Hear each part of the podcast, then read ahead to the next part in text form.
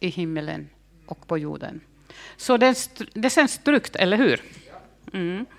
Okej, okay, ja, eh, mitt tema ikväll är Gud, Jona och du. Och eh, då kan man ju nästan fråga sig att eh, hur kan vi lära känna Gud bättre med rubrikens hjälp? För att vårt eh, höstens tema är ju att lära känna Gud. Eh, jag skulle vilja säga som ett litet smakprov här eh, att se, se hans, Guds hjärta, tankar, vilja och agerande i en dialog med en människa som kunde vara också du, idag eller imorgon. Eh, Gud han har ju varit mycket, mycket angelägen från första början att mänskligheten, alla människor, får kunskap om honom och lär känna honom. Det har han gjort på en massa eh, olika sätt, att människor skulle lära känna honom bättre och djupare. Och eh, han vill ju umgås med människor. Vi vet ju den här underbara, vackra bilden, situationen i den tragiska, efter den tragiska, katastrofala händelsen uh, i Eden, i paradiset. Det berättas att när kvällsprisen kom, alltså en lätt vind i den vackra, vackra, underbara miljön, då hörde människorna hur Gud gick i paradiset för att möta dem. Och hans rop, han som visste vad som hade hänt, var är du? Och denna rop, var är du Adam? Var är du? Och olika namn ropar han även idag. För han vill umgås med dig. Verkligen. Som skapare, som en fader.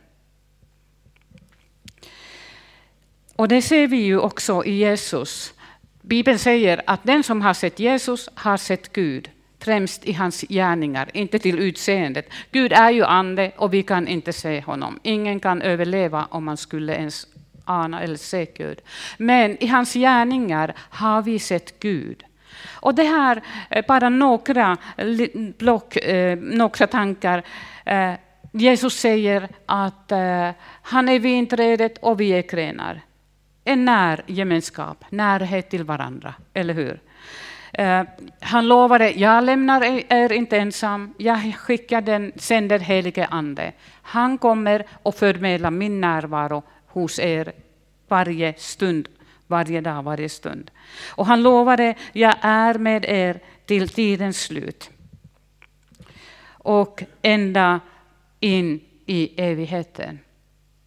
Ja, ja, jag måste bara läsa här början, eh, i början, slutet av Bibeln. För att um, i Johannes uppenbarelse, det står ju, eh, eh, Johannes såg och Gud berättade, Jesus berättade att det kommer en, en ny jord, en ny himmel som Gud skapar för det här förstörda, så där vi lever nu. Den första himlen och jorden var borta och havet fanns inte mer. Men här, här står det, och jag hörde ett kraftigt rop från tronen, skriver Johannes. Se, nu har Gud sitt hem bland människorna.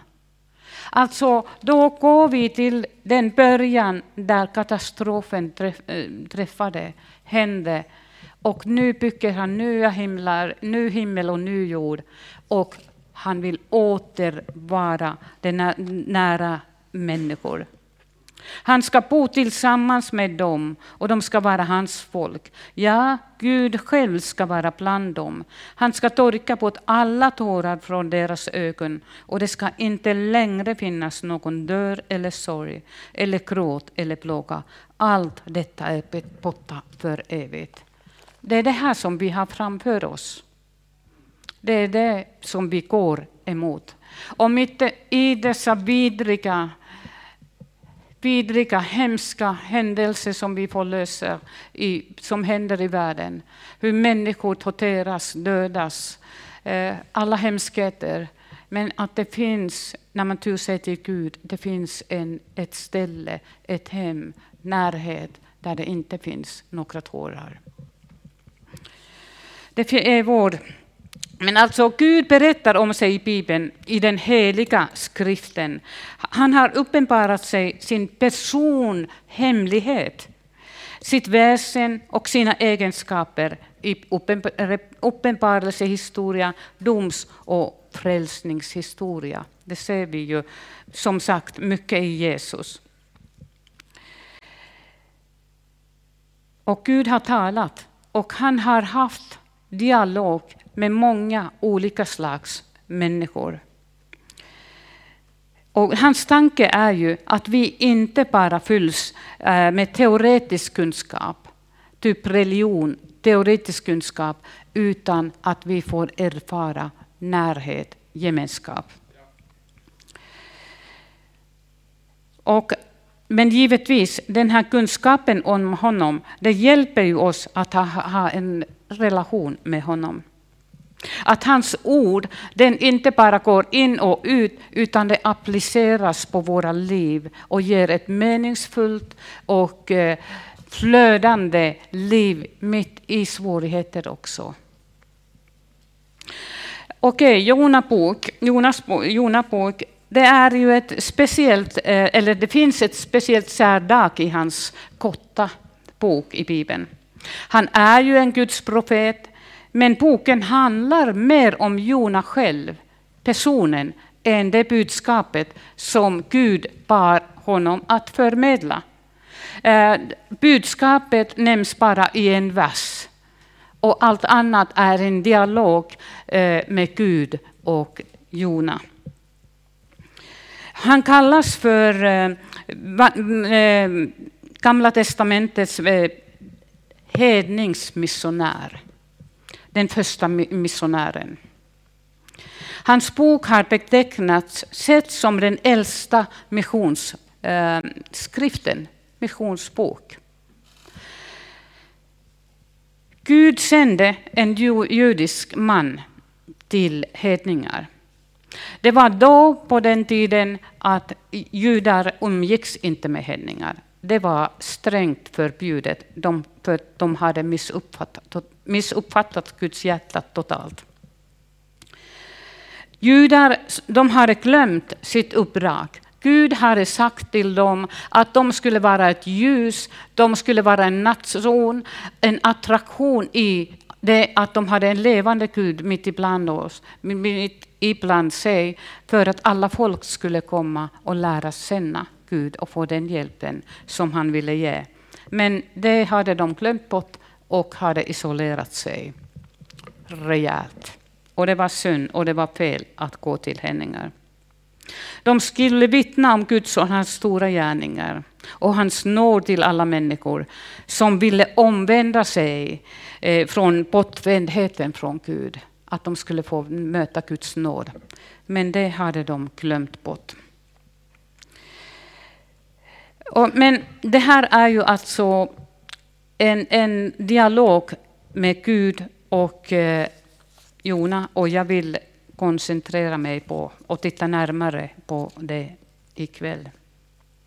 Alltså Jona fick ett uppdrag av Gud som han tal, Gud talade till honom. Gå till den stora staden Nineve och predika med, mot den, för deras ondska har kommit upp inför mitt ansikte ondska når ända upp till mig.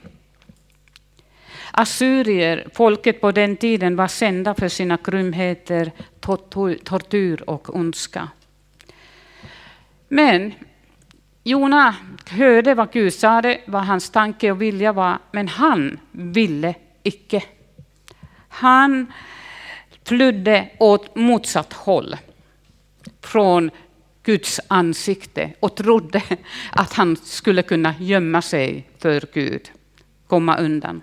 Det kanske var rädsla att gå till assyrier, den där hårda, eh, aggressiva, våldsamma folk. Kanske förakt för folket och deras ondska och vad de hade gjort mot andra folk och Israel. Eller det kanske var rädsla också. Han ville inte. Och jag går inte in i den här berättelsen, ni säkert har alla hört det här i söndagsskolan, hur han flydde, han hoppade, betalade en biljett och hoppade i en båt.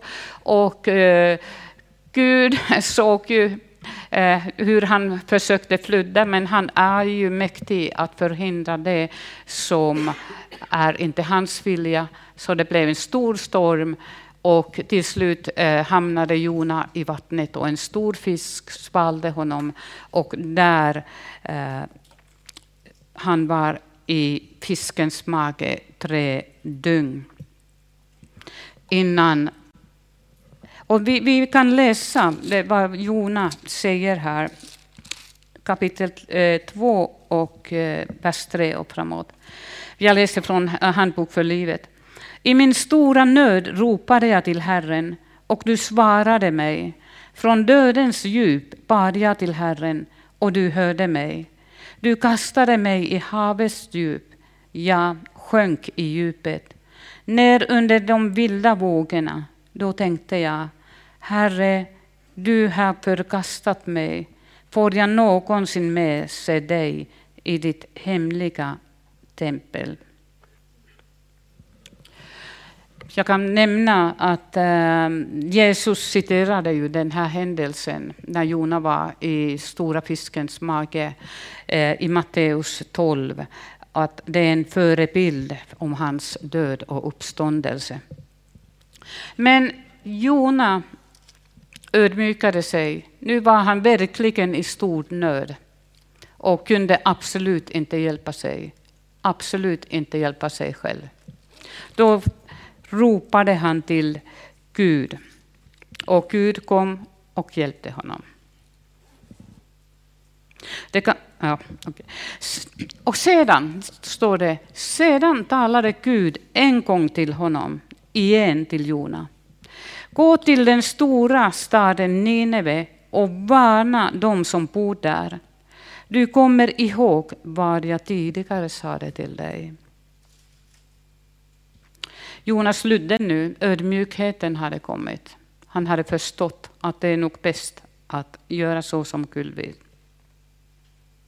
Och den här Nineve, 120 000 personer, och det tog tre dagar att gå genom staden. Under tre dagar berättade han budskapet om att det kommer, staden kommer förstöras om 40 dagar. Han gick där. Om 40, 40 dagar ska Nineve förstöras. Och vad hände? När han förkunnade det som Gud hade sagt. Gå och säg till folket. Och de omvände sig. Från kungen och neråt. Människor ångrade sig, började fasta och började be. Kanske hör din Gud oss och försonar oss så att detta inte händer. De omvände sig och därmed ångrade Gud eller lät inte hända den domen som hade sagt att skulle ske på grund av deras ondska. Det var ju meningen med hans varning Meningen med hans varning var ju att folk skulle omvända sig. Det var ju absolut inte hans tanke och vilja att staden skulle förstöras. Det var ett rop, omvänd er, kom till mig, jag hjälper er. Men det är lite, lite annorlunda, eller inte ens roliga, men häpnadsväckande. Jona blev arg på Gud. Det står här, Jona 4, 1 och 4. Det förargade Jona mycket att Gud ändrade sina planer och han klagade inför Herren över det. Detta är precis vad jag trodde att du skulle göra, Herre. När jag var hemma i mitt eget land och du första gången sa till mig att gå hit. Det var därför som jag försökte komma undan och ge mig till, iväg till Hassis. Lite ursäkta sig, det var därför att jag visste att du skulle ändå göra det här, att du skulle ångra dig. För jag eh, visste ju att du var en nådig och barmhärtig Gud som sällan blir vred men är god och omtänksam. Jag visste hur lätt det skulle vara för dig att ändra dina planer och förgöra detta, och att, på att förgöra detta folk. Alltså förlåta deras hemska gärningar. Men det betyder ju säger mycket om att Gud är barmhärtig, god och omtänksam för varje människa. Den ondaste, den ondaste, som du kanske också ibland tänker, den personen senare inte att få någon nåd eller hjälp. Sån ondska. Eller sån person. Ah, absolut inte. Det är inte Guds tanke. Han, den ondaste människan, i hela världen skulle han vilja frälsa om människan omvände sig. Och sen säger han, döda mig nu Herre, döda mig nu, när det blev så här. Jag vill bara dö nu när inget av det jag sa till dem kommer att hända. Alltså var det lite stoltheten också hade fått en liten smock. För att nu händer det inte det här som jag har stått och gått, eller gått och ropat ut under hela tre dagar. Men han hade ju missförstått Guds hjärta totalt, profeten Jona. Guds vilja var ju inte att göra det utan frälsa, förlåta, hjälpa dem. Jona hade inte Guds kärlek i sitt hjärta.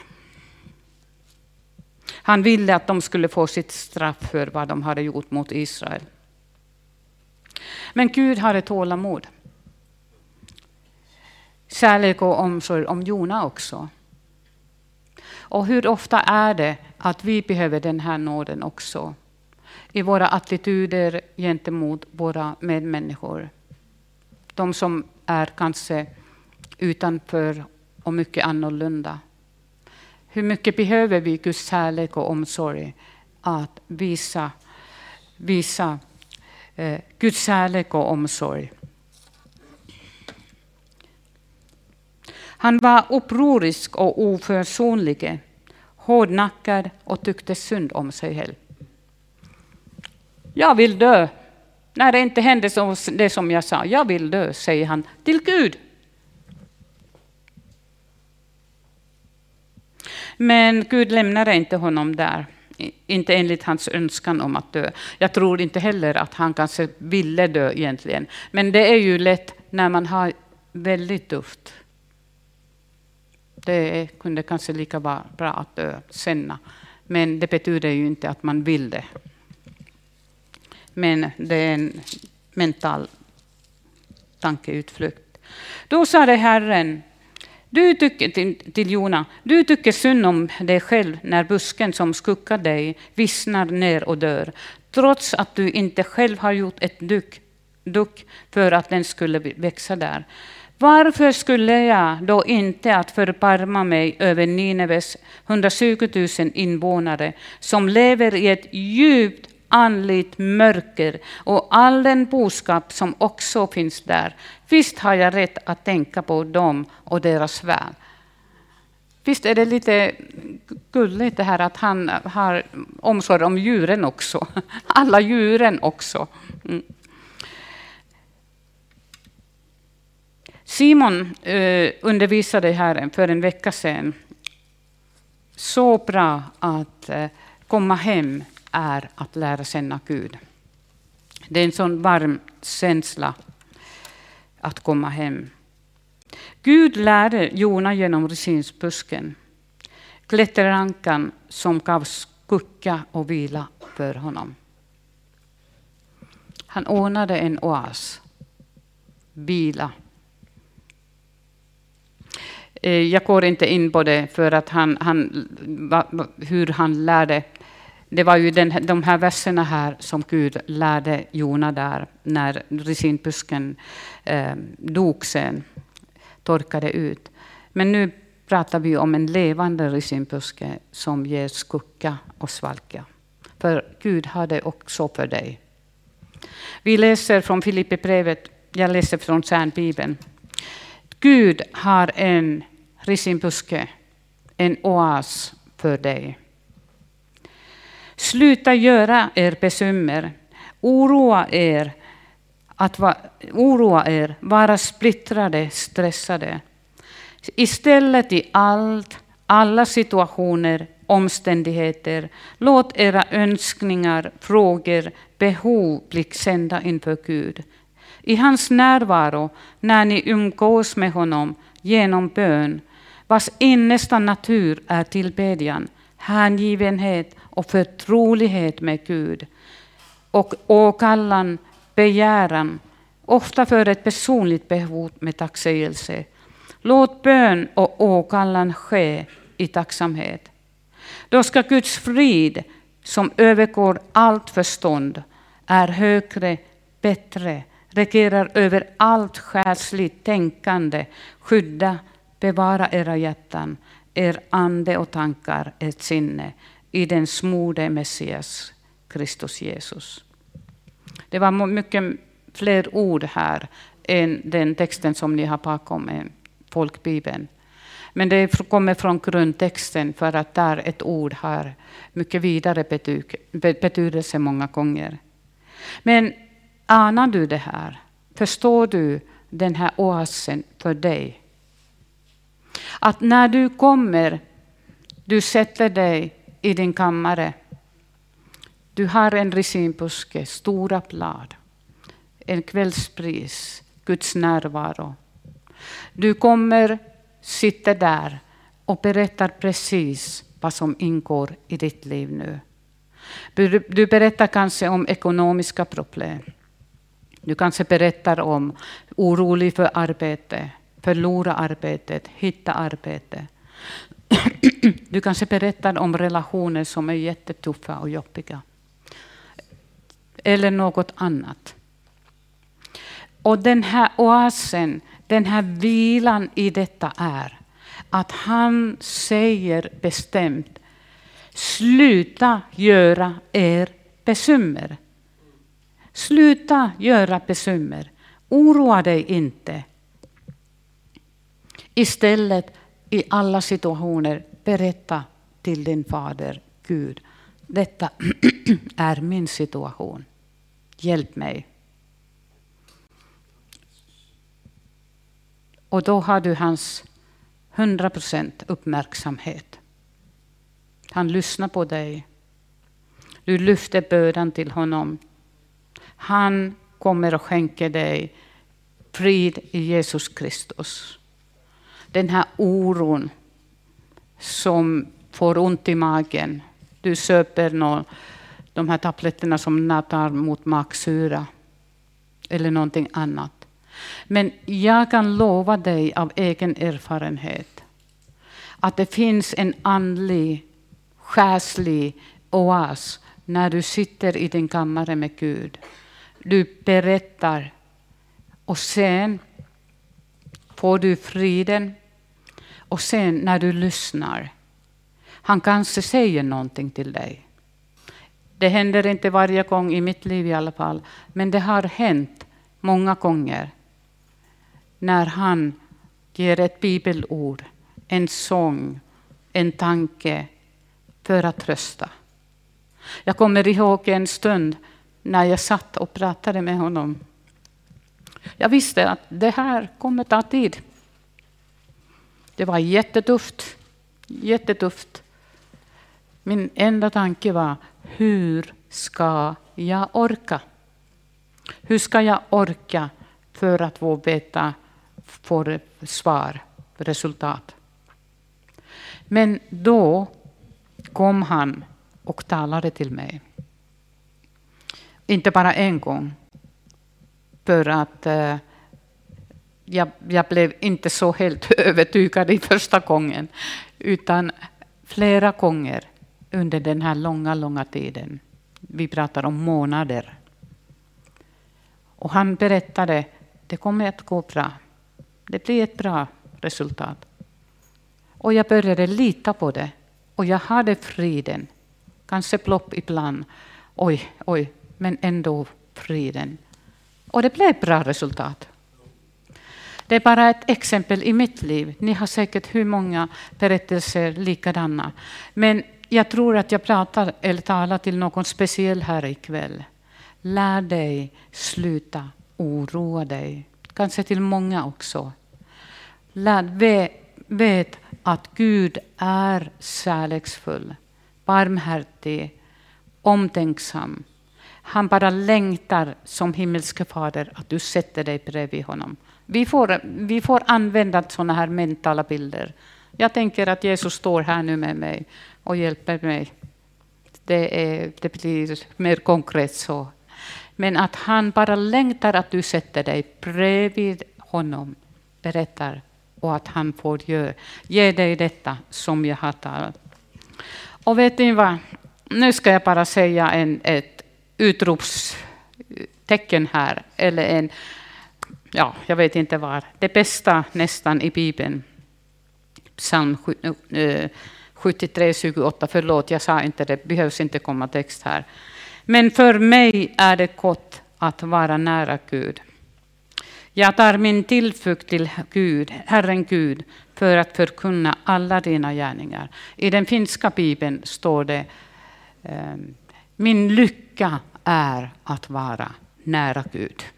Och jag bara säger av hela mitt hjärta. Min lycka är att vara nära Gud. Och några psalmer tidigare står Du har varit och ta, trofast. Du har tagit hand om dig redan från, eh, från unga år. Det, läs de här psalmerna, det är underbara texter där om han, hur han har varit genom hela livet. Och han vill vara och har varit hos, med dig också hos dig. När vi kommer till Gud, så ge han detta. I Jesu namn. Amen.